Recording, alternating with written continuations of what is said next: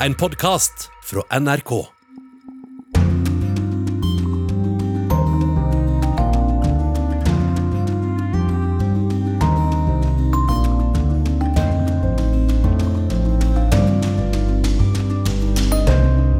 En mislykket fredsprisvinner i en konflikt med både voldtekt og sult i Etiopia.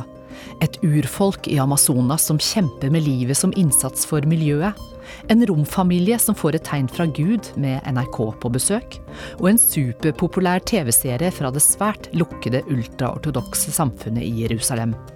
Hva har de alle til felles? Jo, de er en del av den kommende timen i Urix på lørdag. Hvor ukas korrespondentbrev garantert vil gi deg bilder fra filmen Top Gun, og podkasten gir deg oppskriften på det ultimate klimatoppmøtet. Velkommen ut i verden. Mitt navn er Anja Strøen.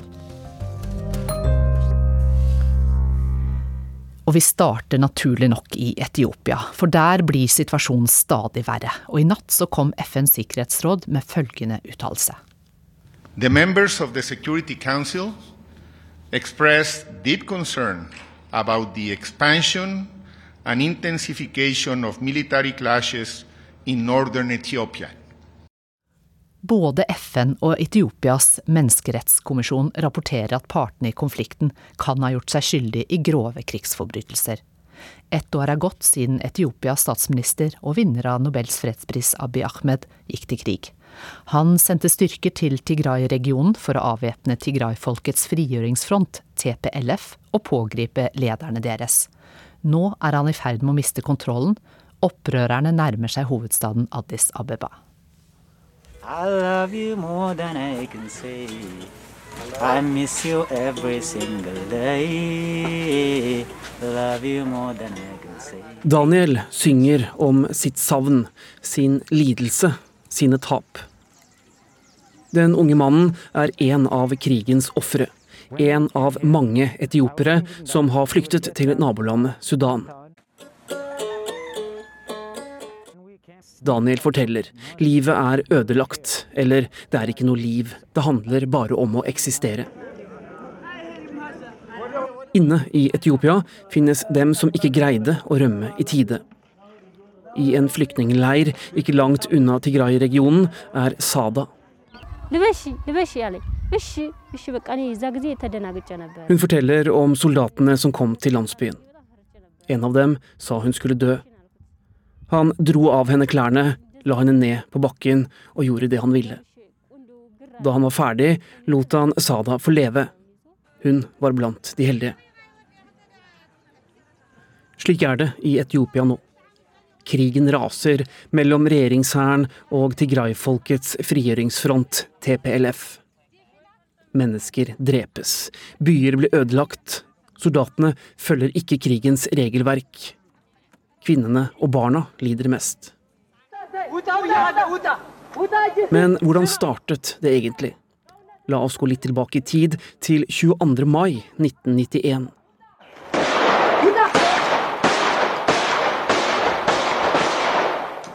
Diktator og statssjef i Etiopia, Mengistu Haile Mariam, anklages for folkemord og rømmer fra landet. Han drar til Zimbabwe, hvor han lever fortsatt. Den maidagen for 30 år siden tar Tigray-folkets frigjøringsfront over makten.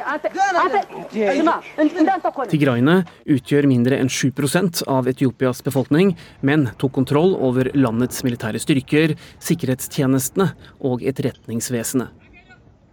De styrte Etiopia frem til april 2018. Etter bråk og uro tok Abiy Ahmed over og ble statsminister i landet. Han ble Afrikas yngste statsleder, kun 41 år gammel. Han skapte håp om demokrati og reformer i Etiopia. Ahmed fikk etter hvert også Nobels fredspris for å ha forhandlet frem en fredsavtale med naboland Eritrea. Men han gjorde mer. Han anklaget sine forgjengere i Tigray-folkets frigjøringsfront for korrupsjon og overgrep. Flere av deres ledere mistet makt og posisjoner. De dro hjem til Tigray-provinsen og skapte en slags stat i staten, med eget styre. De trosset statsminister Ahmed, og for ett år siden gikk frigjøringsfronten til angrep på en av regjeringens militære baser i området. De plyndret den for våpen og fikk tak i avanserte raketter. Regjeringsstyrkene slo tilbake, og så har krigshandlingene pågått frem til nå. Anklager om drap på sivile, tortur og voldtekter kommer fra begge sider. FN mener det skjer i stort omfang. Inne i Tigray står hundretusener i fare for å sulte i hjel. Regjeringen beskyldes for å bruke sult som et våpen. I sommer erklærte regjeringen en våpenhvile, men frigjøringsfronten har fortsatt å krige. De erobrer stadig nye byer og områder, og nærmer seg nå hovedstaden Addis Abeba. Hva vil skje i Etiopia, et av Afrikas mest folkerike land med nærmere 100 millioner innbyggere? Det er et stolt folk som nå ødelegger landet sitt og hverandre. Etiopia ble aldri kolonisert. Landet er rikt på naturressurser. De kunne hatt det godt. Slik er det ikke. Verden følger med. Er det håp for Etiopia? Det var reporter Eirik Veum som ga oss bakgrunnen for det som nå skjer i Etiopia. Og velkommen til deg, Louise Aalen, seniorforsker ved Christian Michelsen-instituttet i Bergen. Takk skal du ha. Du, Hvis vi skal plukke opp VM sitt siste spørsmål her, det er jo ofte det spørsmålet vi avslutter et sånt intervju med, men, men eh, nå er det så mye elendighet, så jeg starter heller med ser du noe som helst håp i situasjonen i Etiopia akkurat nå? Altså, jeg tenker at den eh, mest sannsynlige løsningen, eller endringen på situasjonen nå, det vil jo være en militær eh, løsning. Eh, ingen av partene ønsker å gi opp. Eh, så det er egentlig en ganske, ganske mørk situasjon. Mm, mm. I går så kom jo da meldingen om at ni etiopiske opprørsgrupper de slår seg sammen for å bekjempe regjeringen til fredsprisvinner Abiy Ahmed. Hvem er disse gruppene? Ja, det er jo en koalisjon som selvfølgelig eh, ledes av eh, TPLF. Eh, en annen gruppe som er viktig, og som kanskje er den nest største gruppen av disse, og den nest sterkeste gruppen, det er Oroma Liberation Army. Og de kommer jo fra den største delstaten i Etiopia, Oromia, der man har en folkegruppe som er nærmere 30 millioner mennesker. Vi vet jo lite om denne gruppen, OLA, fordi de har operert eh, som en geriljastyrke eh, i distriktene i Oromia. Eh, og vi vet egentlig ikke hvor sterke de er, men klart det er en væpnet gruppe som nå nærmer seg eh, områdene der TPLF kommer fra nord. Eh, så det er nok avgjørende at de er en allianse og kan utgjøre en stor forskjell i, i krigen. Men... Ellers er de andre gruppene de er fra små ett etniske frigjøringsbevegelser i mange av eh, delstatene i eh, Etiopia. Men vet vi noe mer om hva de står for, og, hva, og hva, ikke minst hva de vil? Ja. De har en felles fiende. Det er hovedfellestanken eh, deres. De vil kvitte seg med Abiy Ahmed.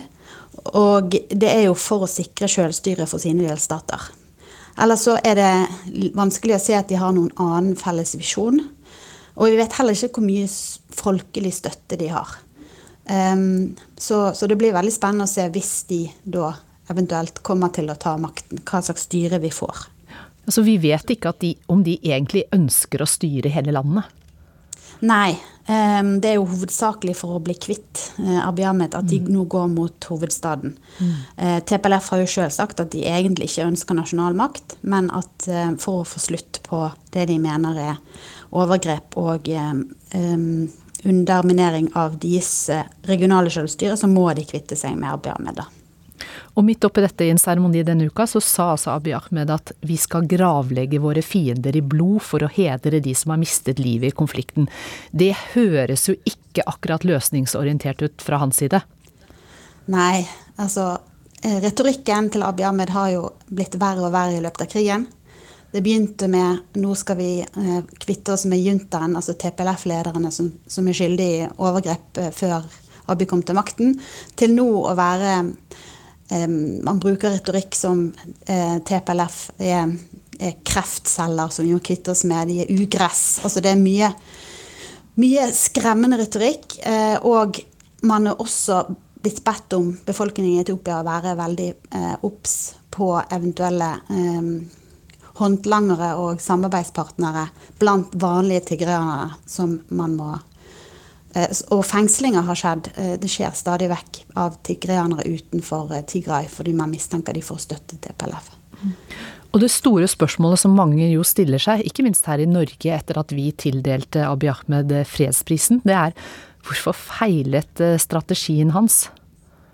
Ja, altså som, som, det ble sagt i innslaget, eller som er blitt påpekt mange ganger, så sa jo han vi skal slå ned juntaen i løpet av et par uker. Um, det skjedde jo ikke. Han har, nok, han har nok overvurdert sin egen evne, altså føderale styrkers evne, og undervurdert TPLF. De har en veldig lang erfaring eh, med geriljakrig fra 1975. Mange av de eh, viktigste militærlederne er fra eh, TPLF. Og de har hatt en enorm evne til å mobilisere sivilbefolkningen, kontrollere sivilbefolkningen. og så er det da at Abiy Ahmed har gjort seg avhengig av en allianse med irregulære styrker fra Amhara og Eritrea-styrker. Og det gjør jo at man får en mye mindre enhetlig kommandolinje enn det TPLF har. Um, så, så, han har nok feilkalkulert uh, ganske kraftig. Men Louise Aalen, altså denne uka så la altså FN fram en rapport som var utarbeidet i samarbeid med den etiopiske menneskerettskommisjonen. Og det, da viser det seg at partene på, på, begge sider kan ha gjort seg skyldig i forbrytelse mot menneskeheten. Vi snakker om massakrer, henrettelser, tortur, massevoldtekter. Og det er så utrolig vanskelig å forstå hvorfor er det gått så langt? Ja, det er veldig vanskelig å forstå. Um, det er Det er jo um, Fra begynnelsen av så har jo uh, har det vært vanskelig for uh, Eh, for sivilbefolkningen i Tigray eh, å bli beskyttet fordi eh, fienden har sett på de som automatisk støttespillere til TPLF. Og så har det vært et hat som har vært bygget opp over lang tid mot tigreanere. de blir sett på som mm. de som har fått fordeler under forrige regime. Eh, og så har man Eritrea og, og Amhara-styrker som har sin helt egen agenda her. Eh, og den seksuelle volden som, som, har skjedd, der har man jo fått rapporter både fra Amnesty og Human Rights Watch som sier at det er en slags eh, etnisk rensningstankegang eh, her. Om at eh, med bruk av seksuell vold så hindrer man da at eh, kvinner skal føde opp flere tigranere. Så det er, det er meget skremmende. Tusen takk skal du ha for at du var med, Louise Aalen, seniorforsker ved Christian Michelsens institutt i Bergen. Og neste uke så skal altså Sikkerhetsrådet ha et uh, møte der de skal diskutere situasjonen, så her gjelder det bare å følge med.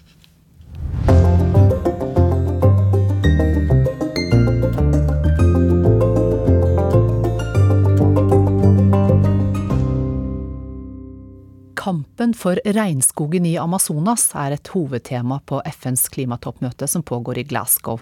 Og vi skal til en delstat i Amazonas og møte noen av dem som risikerer livet i denne kampen. Vi er på en liten skogsvei i urfolksreservatet Arariboya i det østlige Amazonas. Sammen med meg er to menn og en kvinne. De kaller seg Guardians da Floresta, skogens voktere.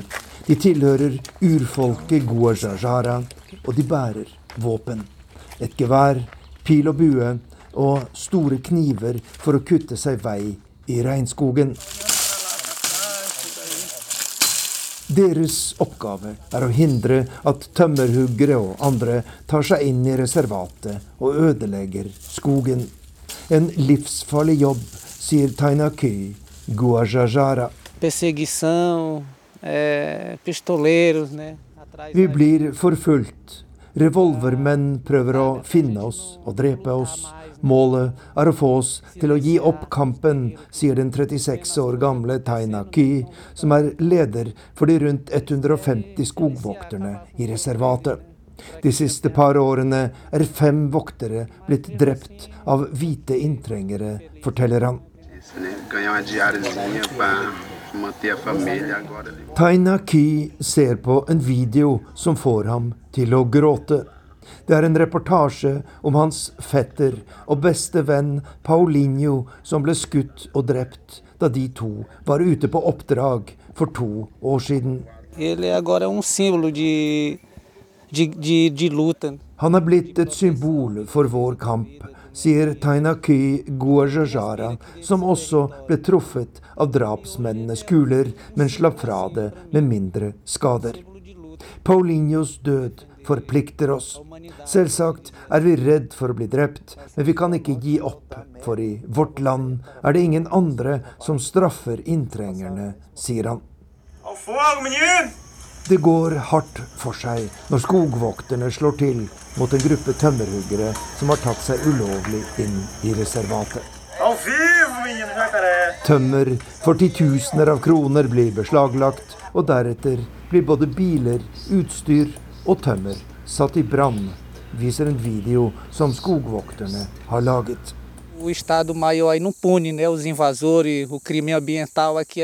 Statsmakten straffer ikke dem som invaderer våre områder, forteller Tainaki Guajajara. Etter at Jair Bolsonaro overtok som president, får miljøkriminalitet i praksis skje ustraffet. De kriminelle slippes ut av fengsel samme dag som de blir anholdt, og bøtene de får, blir aldri betalt. Så hvis vi skal forsvare vår natur, må vi ta i bruk harde midler, sier han. Et stort tre ligger i veien, og skogvokterne må ut av bilen for å fjerne det. Dette er en av hovedveiene som tømmerhuggerne bruker, og situasjonen kan være farlig. Latin-Amerika er det farligste området i verden å kjempe for natur og miljø. 73% av alle drap på miljøforkjempere skjer her, viser tall fra organisasjonen Global Witness. Men treet blir fjernet uten at det skjer noe, og vokterne fortsetter sin patrulje. Den gode nyheten er at færre inntrengere nå våger seg inn i reservatet, sier Olympio Guajajara, veteranen blant skogvokterne. Som du har sett, så har vi ikke møtt en eneste tømmerhugger denne dagen. Det er pga. den jobben vi har gjort her i reservatet Arariboya det siste tiåret. Men vi må fortsette å kjempe, for skogens fiender gir aldri opp, sier urfolksveteranen i Amazonas til NRK. Det var Arnt Stefansen som var i Amazonas for NRK, og du kan se mer om dette i Søndagsrevyen i morgen. Men klima, det er så viktig at vi kan ikke slippe det helt. Det angår folk over hele verden, og vi skal til klimatoppmøtet i Glasgow og møte to fra helt andre deler av verden som håper at dette møtet vil bringe endringer. Jeg står i en eh, kø som går veldig, veldig sakte. Når 25 000 mennesker skal inn gjennom en port som er to meter brei, går det naturlig nok tregt. For mange er dette kanskje en håpets portal. De har et håp om at det skal skje noe der inne disse dagene som gir grunn til å tro på ei bedre framtid. Spørsmålet er om det er slik. I'm Kavita Naidu. I'm a Fijian international human rights lawyer. I come from Fiji, but these days I call Sydney, Australia home. Kavita Naidu kommer fra Fiji er menneskerettsadvokat og sitter i styret for Greenpeace Australia Pacific. Hun er her for å tale stillehavsfolket sin sak. Der hun kommer fra, merker de følgene av klimaendringene på kroppen. In the last few decades, our lives have changed dramatically because of the increasing cyclones, because of rising sea levels, the loss of biodiversity, our oceans are warming, And the Pacific people are really suffering the consequences of this. Livet er endra dramatisk de siste ti åra. Syklonene er blitt sterkere, havet blir varmere, havet stiger, naturmangfoldet er trua. Hun er alvorlig uroa over framtida for barn og unge her. I am really anxious about what the future of Pacific youth and children will look like. They have grown in an era facing the anxiety of what the climate crisis brings. They have witnessed the worst impacts of the climate crisis. De har sett hva klimakrisen kan føre til. De har også sett at globalt lederskap har svikta.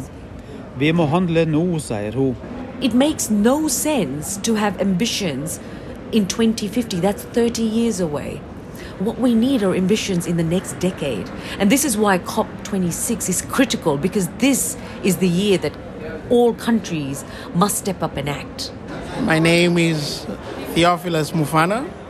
I'm from Mazabuka in Zambia. Han er leder for ei gruppe som organiserer småbønder, der 160 familier som dyrker sukker, røyr. We are struggling with uh, increased periods of drought.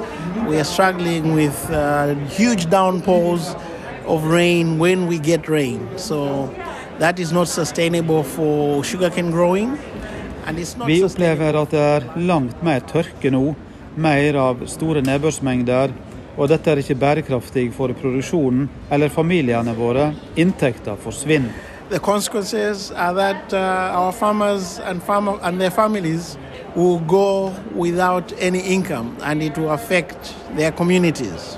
Han håper det vil komme løfte om økonomisk hjelp fra de rike landene. Han ber dem om å lytte. Hear, hear, hear us. We are affected by climate change. Whatever policies or whatever interventions are going to be made, they need to be made thinking about the people on the ground. Han håper på mer enn fine ord. A lot of words, and we, we, we want to see these words translated into action. Kavita Naidu fra Fiji tenker ofte på de som er hjemme disse dagene i Glasgow. Hun har tro på folkets makt. And I don't depend on the governments to fix this. I certainly don't depend on the corporations, but I believe in people. I believe the people will step up and find solutions. The, the, the power to make change is within us. We can do it as a community of human beings. Men hun vil uten tvil stille politikerne til ansvar. And that means we go back to our home countries and we hold our governments responsible for what they've promised here. Og reporter Eivind Molle han følger klimatoppmøtet helt til avslutningen neste uke.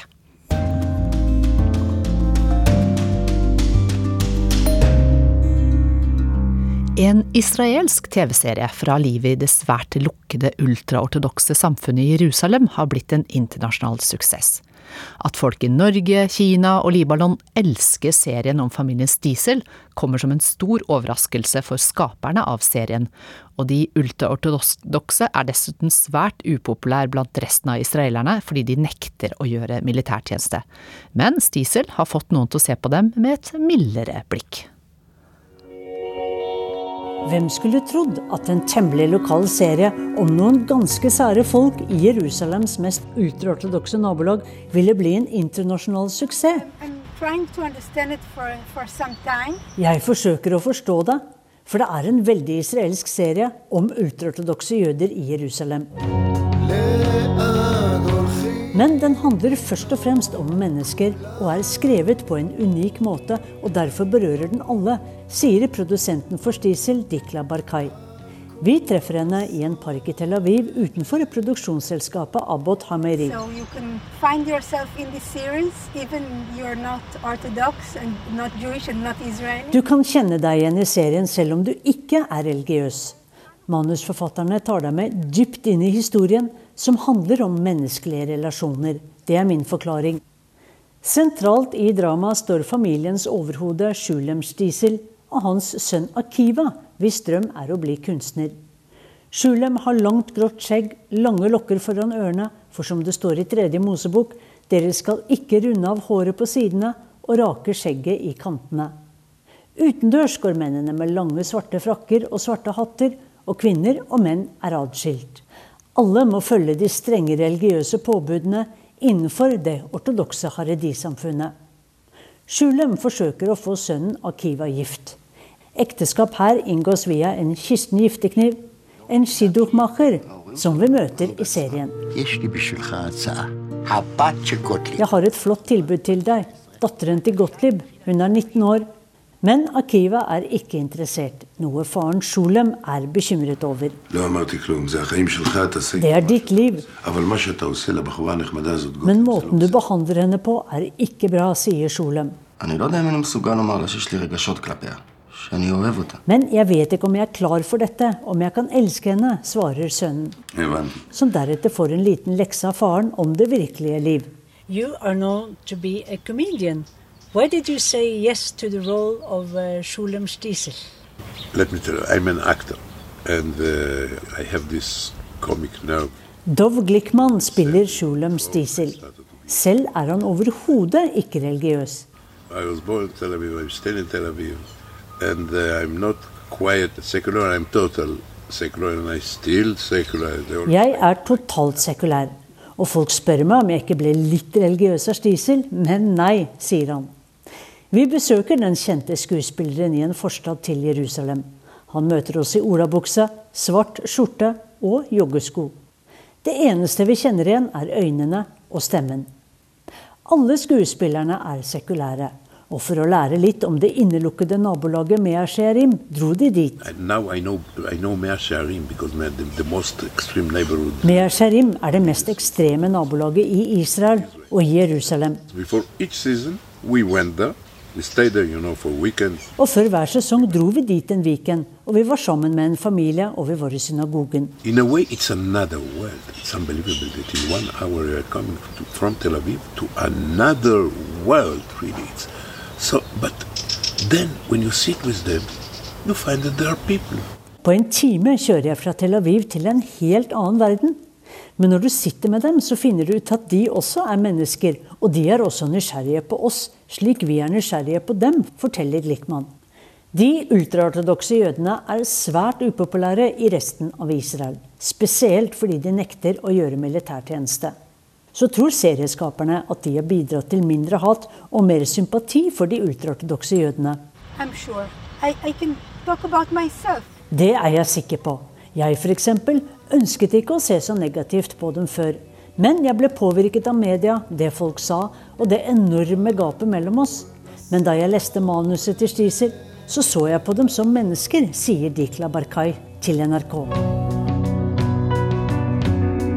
Netflix kjøpte Stiesel-serien i 2018. En tredje sesong kom i år, men hva med en fjerde sesong? No, no, no. Nei, det er ingen planer om det. Men hvem vet? Dov Glickman var mest kjent som komiker. Men Sholem Stiesel er hans livsrolle, som han også har fått flere priser for. Den er dyp, og han får spille på hele registeret sitt. Han håper på en fjerde sesong. Very much, very much. But uh, Ja, virkelig. Men om det ikke blir en sesong til, kan jeg kanskje bli religiøs, anlegge et skjegg og endre navnet mitt til Sholem? And from missing so much the, the, the series, I will become myself uh, religious and I will start to grow well and everything and I will become, uh, I will change my name to children. You can play Shulam Stiesel full time. yes. Ja, det sa skuespiller Dov Glickman til Sissel Wold, og pirret dette nysgjerrigheten til å se mer, så slå på Søndagsrevyen i morgen.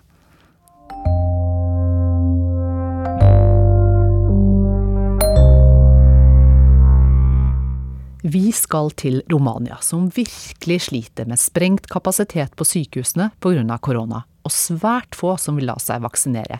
Ikke minst så er dette et stort problem blant landets rombefolkning, og korrespondent Roger Severin Bruland har møtt en av de største romlederne, som lenge har vurdert om han skal la seg vaksinere.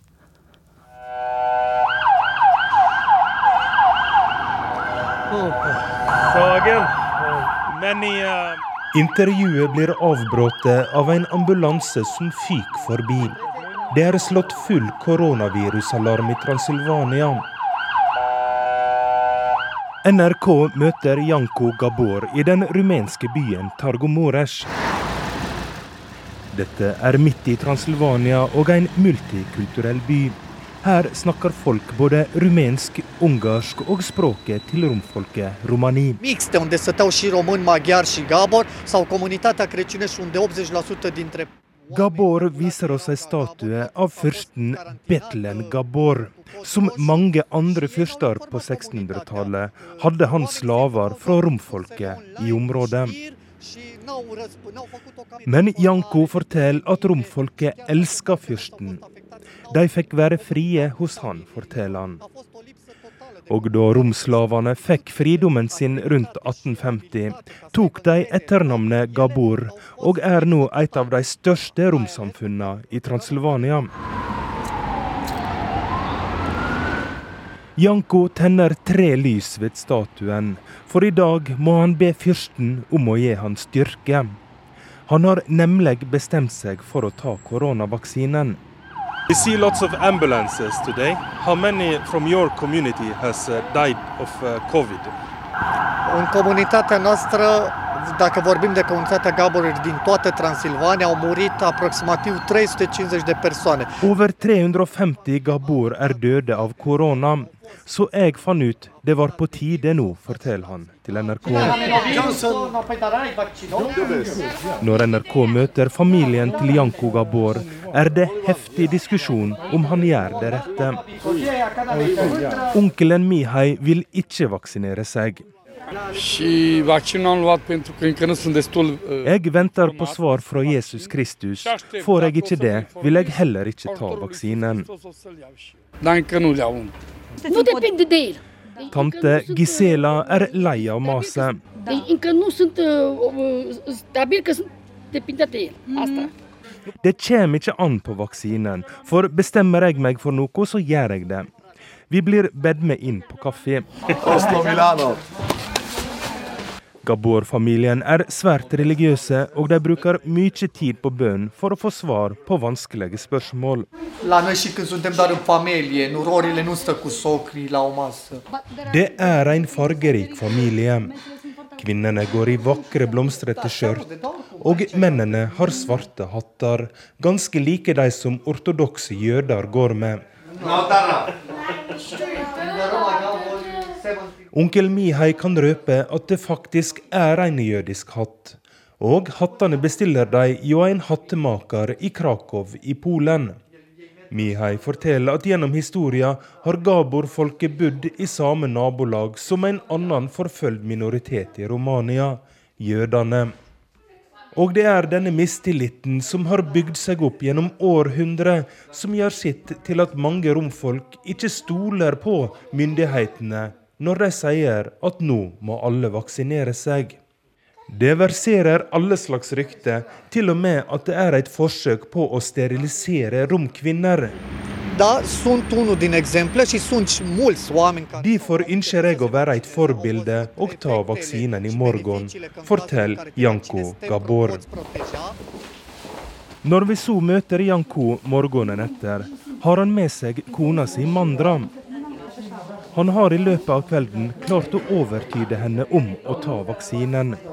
Pentru că auzeam foarte multe că ce pățești după vaccin. Jeg hørte så mye rare rykter om at du kan dø av den, men nå vil jeg ikke høre på slikt sladder mer. Tar han vaksinen, skal jeg også gjøre det. Et lite stikk. Så var det gjort.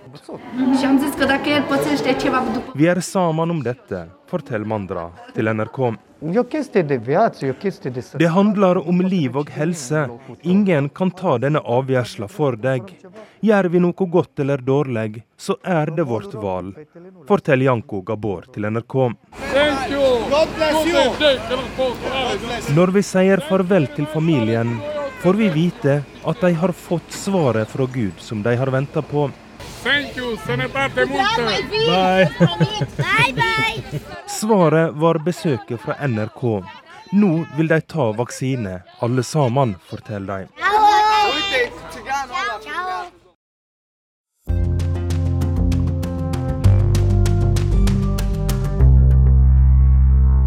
Ukas korrespondentbrev er postlagt fra et amerikansk hangarskip, og korrespondent Lars Os, ja, han får oppfylt en guttedrøm. Jagerfly, Kenny Loggins og Tom Cruise. Hvis du ikke får bilder fra Top Gun i hodet nå, så syns jeg litt synd på deg. Filmen ifra året jeg ble født, har gitt liv til en drøm jeg har hatt lenge. Nå skal den oppfylles. Inne på medieområdet i Det hvite hus har jeg nettopp gjort ferdig en liverapport i Dagsrevyen. Jeg har starta å pakke ned kamera og lys idet telefonen ringer. Det er fra Forsvaret. På engasjert bergensdialekt forteller Marius fra Sjøforsvaret vi får det til. Jeg kjenner at adrenalinet pumper. Endelig. Sjøforsvarets fregatt Fridtjof Nansen er de dagene her klar til å dra til havs sammen med amerikanerne. De skal seile med hangarskipsflåte 8, der oppdraget er å patruljere i internasjonalt farvann. Det er et rutineoppdrag, men det har ikke skjedd før. Norge har et tett samarbeid med USA, og det oppdraget her har også stor betydning for Forsvaret. Nå er det i to dager ei åpning for at jeg kan bli med for å se hva som skjer ute på havet. En hangarskipsflåte som den jeg skal besøke, er det største militære våpenet i historien. Ideen var å flytte flystripa fra land til havs for å få større rekkevidde. Under andre verdenskrig var hangarskipene helt nødvendig for at amerikanerne skulle slå tilbake mot Japans invasjon av Stillehavsøyene.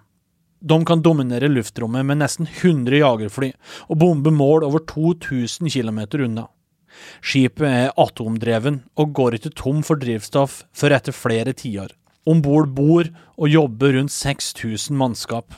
Imellom over 100 000 tonn av stål bor det altså flere mennesker enn det det gjør til hjemkommunene med Os og nabokommunen Røros til sammen. Og sammen med dette monsteret ligger minst fem mindre skip i et kringvern rundt. Dommers jobb er å beskytte den 4,5 milliarder dollar dyre mobile flystrypa mot fiender fra lufta, på vannet og under kjølen. Det er denne funksjonen fregatten Fridtjof Nansen skal ha. For å komme seg til fartøyet må vi fly det som kalles COD, Carrier On Board Delivery. Om bord på COD-en merker jeg med en gang at flyet er gammelt. Ledninger stikker ut av skroget, det ryker damp rundt føttene mine, og det bråker noe voldsomt. Etter en god time kjenner jeg at flyet går inn i landingsposisjon. Pulsen stiger. Så roper en av mannskapet ut, Get ready. Kroppen min spenner alle muskler. Nå skjer det. Jeg hører et stort brak og kjenner innvollene mine bli pressa inn mot ryggraden. Jeg får ikke puste. Det varer lenger enn jeg tror. Så slipper taket. Vi har landa trygt. Ute på dekk er det glovarmt. Ingen forteller oss nøyaktig hva vi ender, men det er sannsynlig at flåta seiler en plass utafor Florida-kysten. Jeg klarer ikke å tørke av meg smilet. Det pirrer i hele kroppen. Det er kanskje litt teit, og alle vil nok ikke være enig i at Top Gun fra 1986 er en Oscar-film. Den fikk heller ingen. Men nå, ute på dekk i havet, kan jeg ikke tenke på noe annet enn at guttedrømmen om å besøke et amerikansk hangarskip er i ferd med å gå i oppfyllelse. President Joe Biden har ni slike aktive flåter til disposisjon. De kan havne hva som helst hender i verden, enten det er i nordområdene eller i Sør-Kina-havet. Kontreadmiral Kurt Renshaw, som leder flåtestyrka, vil ikke snakke så mye om storpolitikk. Ifra brua, et lite tårn som stikker opp ifra flydekket, kan vi se at skipet våkner til live. Folk med ulik farge på genseren springer rundt. De grønne er teknikere, de gule dirigerer flyene rundt, og de hvite har kontroll på maurtua. Sjefssersjanten som følger meg rundt, hevder at det er det her som gjør at amerikanerne er så overlegen militært. Treninga, koordineringa, kontrollen. Klokka har passert tolv, og skipet snur rundt for å få motvind. Motorene fra jagerne starter opp. Hvis du ennå ikke har sett Top Gun, så er åpningsscenen i filmen lik den scenen fra virkeligheten som jeg nå blir vitne til. Katapulten, som er hjertet av skipets kapasitet, kobles til hjulene på jagerflytypen FA-18 Super Hornet. Piloten gjør honnør, signaliserer 'jeg er klar'. Oransje stikkflammer spyttes ut ifra motorene. Brølet er overdøvende. På to sekunder blir flyet kasta opp ifra rullebanen. Bulderet som følger slår meg nesten over ende. Mannskapet springer over dekket, et nytt fly blir dirigert i posisjon. Jeg oppdager hvor nære jeg står de her krigsmaskinene. Fem meter ifra meg gir piloten full gass og raser i veien. I løpet av 20 minutter har 10-12 fly blitt sendt til lufta. Vi blir dirigert lengre bak på dekk. Ikke før jeg tenker på det, lander det første jagerflyet med et brak. Med millimeterpresisjon, med rundt åtte grader skjelling, hekter det seg til en av de fire vaierne over dekk og bruker mindre enn 100 meter på å stoppe opp. Piloten Brad Bacon Tribley beskriver det som en kontrollert bilkrasj. De grønnkledde matrosene sikrer vaierne i den strammes. Etter to minutter kommer det neste, og det neste, og det neste. Da har like mange fly landa som er sendt opp i lufta. Slik går dagen. I tolv timer, seks dager i uka. Ingenting om bord Harry S. Truman er nytt. Gangene i skipet er trong. Det er folk overalt. Ifra toppen av kontrolltårnet er det rundt 20 etasjer ned til reaktorrommet. Der kommer vi ikke inn. Det er en godt bevart hemmelighet hvor fort skipet går, men jeg blir fortalt at det er snakk om minst 56 km i timen. Med ei så stor slitasje vil Truman utfases en gang på 2020-tallet. Da har han gått nesten uten stans siden han ble sjøsetta i 1996. Skipsklassa som skal erstatte den, vil ha en kraftproduksjon på 400 megawatt. Det er nesten to ganger så mye effekt som Drammen by maksimalt trenger. Minst 25% mer kraft enn Harry S. Truman. Etter et døgn om bord på hangarskipet er hodet mitt fylt av inntrykk.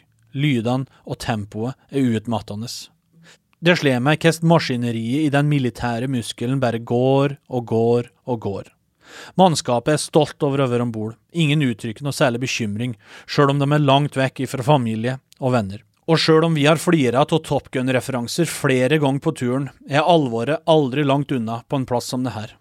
Omgitt av våpen og maskiner som er designa for bruk i krig, og som kan skape store ødeleggelser og ta liv, blir det klart hvor viktig det er at folk som sitter på slike maktmidler, har respekt for ansvaret og tilliten som følger med.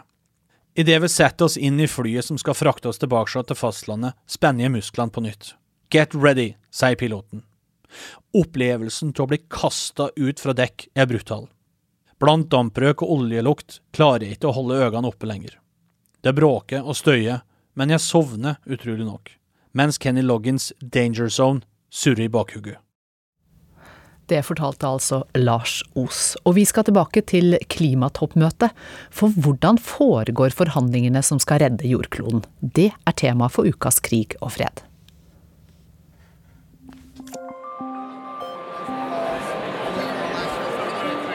På et enormt messeområde i den gamle industribyen Glasgow i Skottland surrer det av stemmer.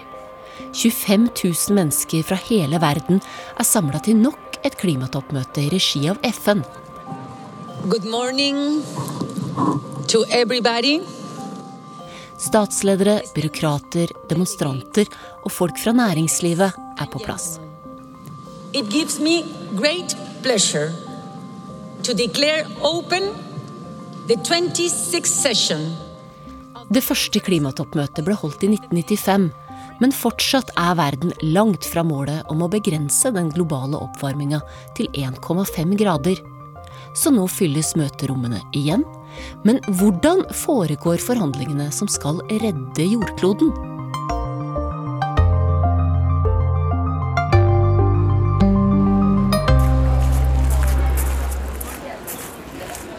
Klimaforhandler Marianne Karlsen må gå nesten en kilometer inne på messeområdet før hun er på plass der hun skal være.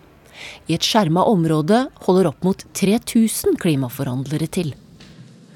Og så mm, er det da å gå ned til møterommene. Og så setter vi oss der. Og så er jo disse sesjonene gjerne en, eh, en times tid hver. Og så jobber vi mm, i mellomtiden, og så møtes vi igjen. Og så, ja. Så det går litt sånn Dagene er jo lange.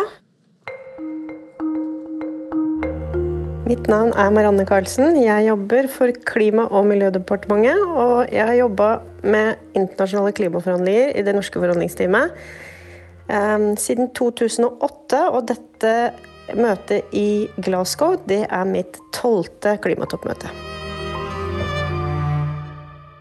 Ja, når dørene lukkes eh, i forhandlingsrommet, så tar hver delegat eh, sånne små bordskilt med navnet på landet ditt, og da har du en mikrofon foran deg. Setter du deg ned rundt et bord, um, og der sitter alle andre land. Og hvor man, hvor man, sitter rundt det bordet, har jo litt å si. Um, noen uh, ønsker å sitte sammen med liksom, de de er mest enige med. Um, jeg setter meg ofte litt sånn Kanskje ikke akkurat bare med i-land, f.eks. Prøver å sette meg litt sånn hvor vi er litt i midten. Norge har jo ofte sånne posisjoner som gjør at vi eh, klarer å bygge bro mellom mye meninger. og da eh, prøver jeg også å sitte litt sånn eh, på steder hvor, hvor jeg ikke ser ut som jeg er med i en sånn gruppe. Det vanskeligste i forhandlinger, det er kanskje å lytte godt.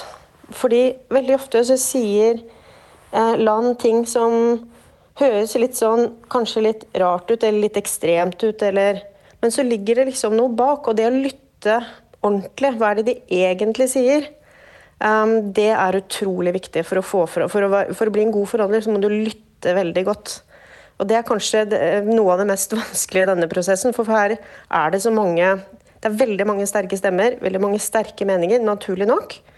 Uh, og det å få til kompromisser handler jo om å, å møtes uh, litt sånn midt imellom.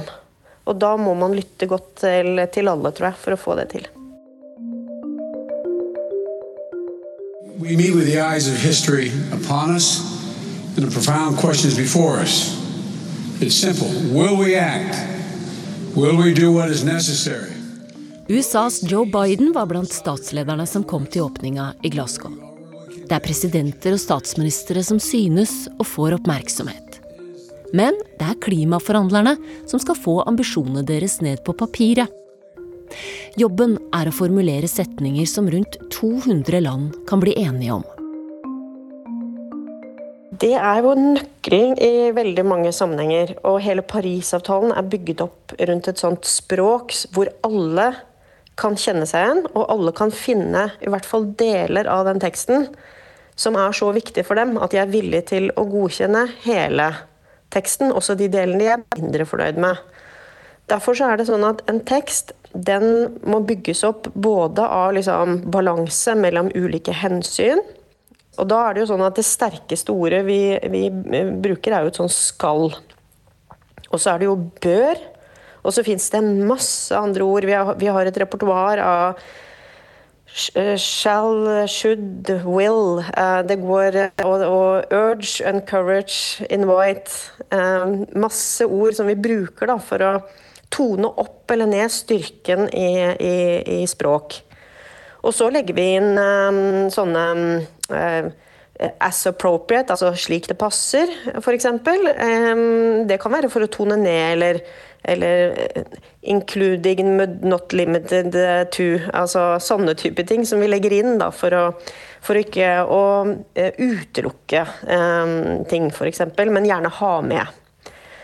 Så veldig mye av det språket og den, den ordflikkingen, det er jo ikke ubetydelig. Fordi det er veldig stor forskjell om det står at vi skal gjøre noe, eller bør gjøre noe.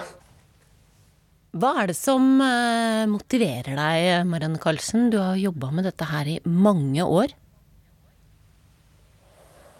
Jeg tror det som motiverer meg, det er for det første hvor viktig det er. Altså det, det er jo et eller annet med å jobbe med noe som må løses. Altså det er ikke noe valg. Vi må finne løsninger. Og jeg er helt overbevist om at en del av den løsningen må være internasjonal. Og det er sånn at FN og FNs klimakonvensjon og den jobben vi gjør der, er det eneste internasjonale rammeverket for klimasamarbeid vi har.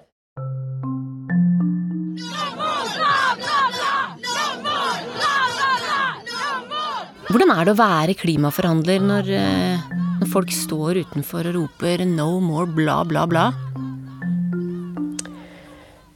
Det er jo helt nødvendig. Altså, og det er det jeg mener når jeg sier at um, jeg ser det også, som forhandler, og så har jeg en jobb jeg må gjøre samtidig.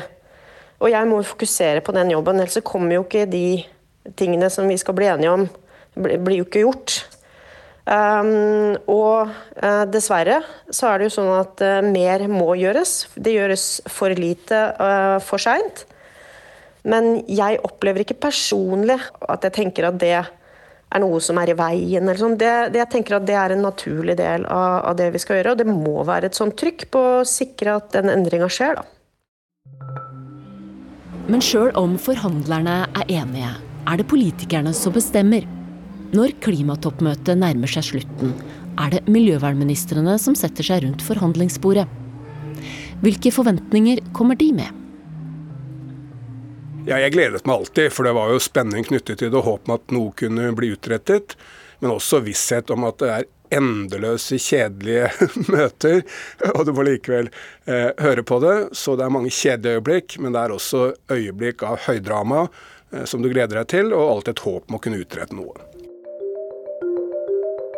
Jeg er Erik Solheim. Jeg var miljø- og utviklingsminister i Norge i atskillige år. Jeg har vært på tror jeg, ti klimatoppmøter, alle av det som er i Glasgow nå. Og For øyeblikket jobber jeg med tiltak for norsk næringsliv, Morrows og Aker på den grønne siden. Og jeg er rådgiver for en serie tiltak spesielt i Kina og India, som har som mål å gjøre disse landene atskillig grønnere enn de er nå. Men hvorfor varer det og drar ut i, i det evige her? Fordi land har interesser som de slåss for. Eh, og Det er jo bare å se på Norge, det. Eh, vi har jo en posisjon nå i Glasgow som ikke alle andre land har forståelse for. Det er jo ikke lett å få internasjonal forståelse for at man først må pumpe olje, for så å reparere skadevirkningene av den oljen etterpå. Og tilsvarende interesser har nær sagt alle land i verden. Hvor mye er det som foregår på bakrommet? Hel masse. Det er der det meste skjer. Og den viktigste tingen å ha hvis du kommer til klimaforhandlinger, er personlige kontakter de statsrådene som kjenner mange, og, og de forhandlerne som kjenner mange i de andre land, og har et personlig tillitsforhold til dem, eh, de er effektive. De som kommer på ett møte, eller kanskje to, ikke kjenner så mange, de leser opp noen manuskript som embetsverket har gitt dem, eh, de har, ikke, eh, de har ikke noen betydning, egentlig. L'accord de Paris pour le climat est accepté. Jubelen sto i taket i Paris i 2015. Det var da landene ble enige om å begrense temperaturstigningen på jorda til godt under to grader, helst 1,5. Men fortsatt er målet et godt stykke unna.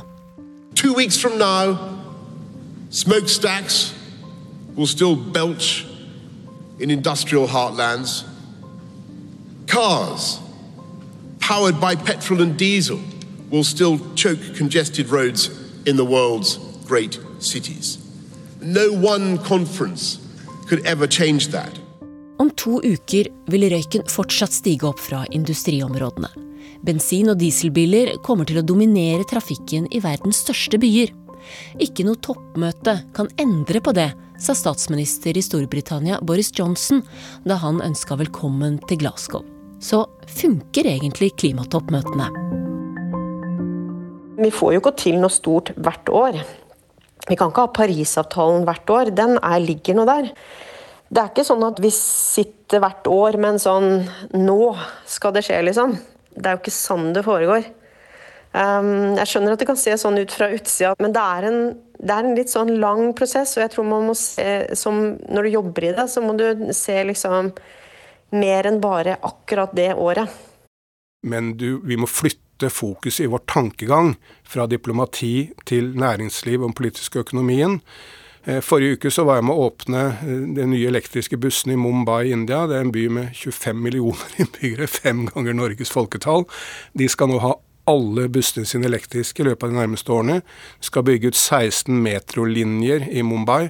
Det er dette som forandrer verden. De enorme kreftene i økonomi, næringsliv og politikk i enkeltlandene ikke klimaforhandlingene. Men hva tror du kommer ut av eh, klimatoppmøtet i Glasgow? Si det litt direkte. Ingenting kommer til å komme ut av møtet, men det er ikke så veldig farlig. Så derfor gidder ikke du å dra til Glasgow? Nei, nei, det er viktig å reise til Glasgow. Eh, men man må ikke bli liksom skuffet over om relativt små spørsmål ikke finner, finner en løsning. Så igjen, eh, Glasgow kommer ikke til å utrette nesten noen ting, men det er ikke så farlig.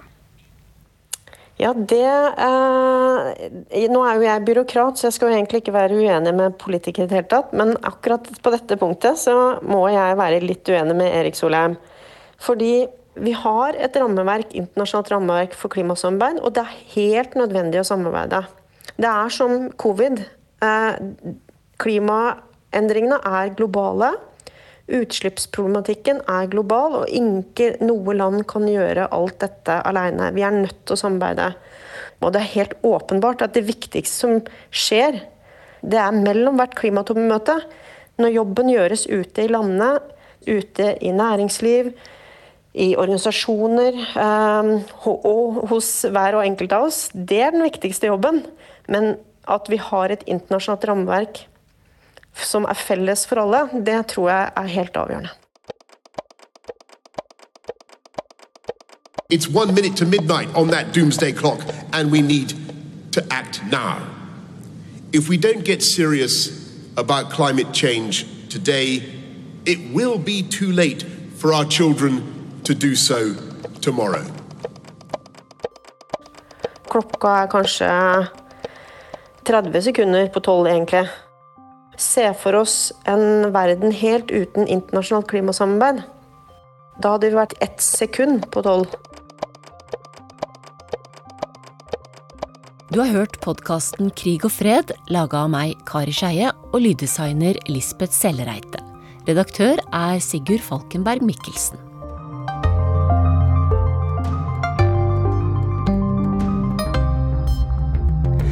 Da takker vi i Urix på lørdag for laget. Husk at du kan høre oss når som helst der du finner podkastene dine. Teknisk ansvarlig Finn Lie, produsent Ulf Tannesfjell, og i studio Anja Strønen. Fortsatt god lørdag.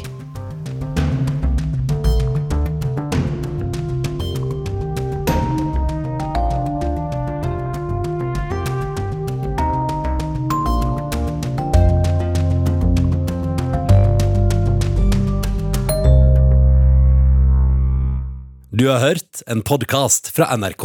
Hør flere podkaster og din favorittkanal i appen NRK Radio.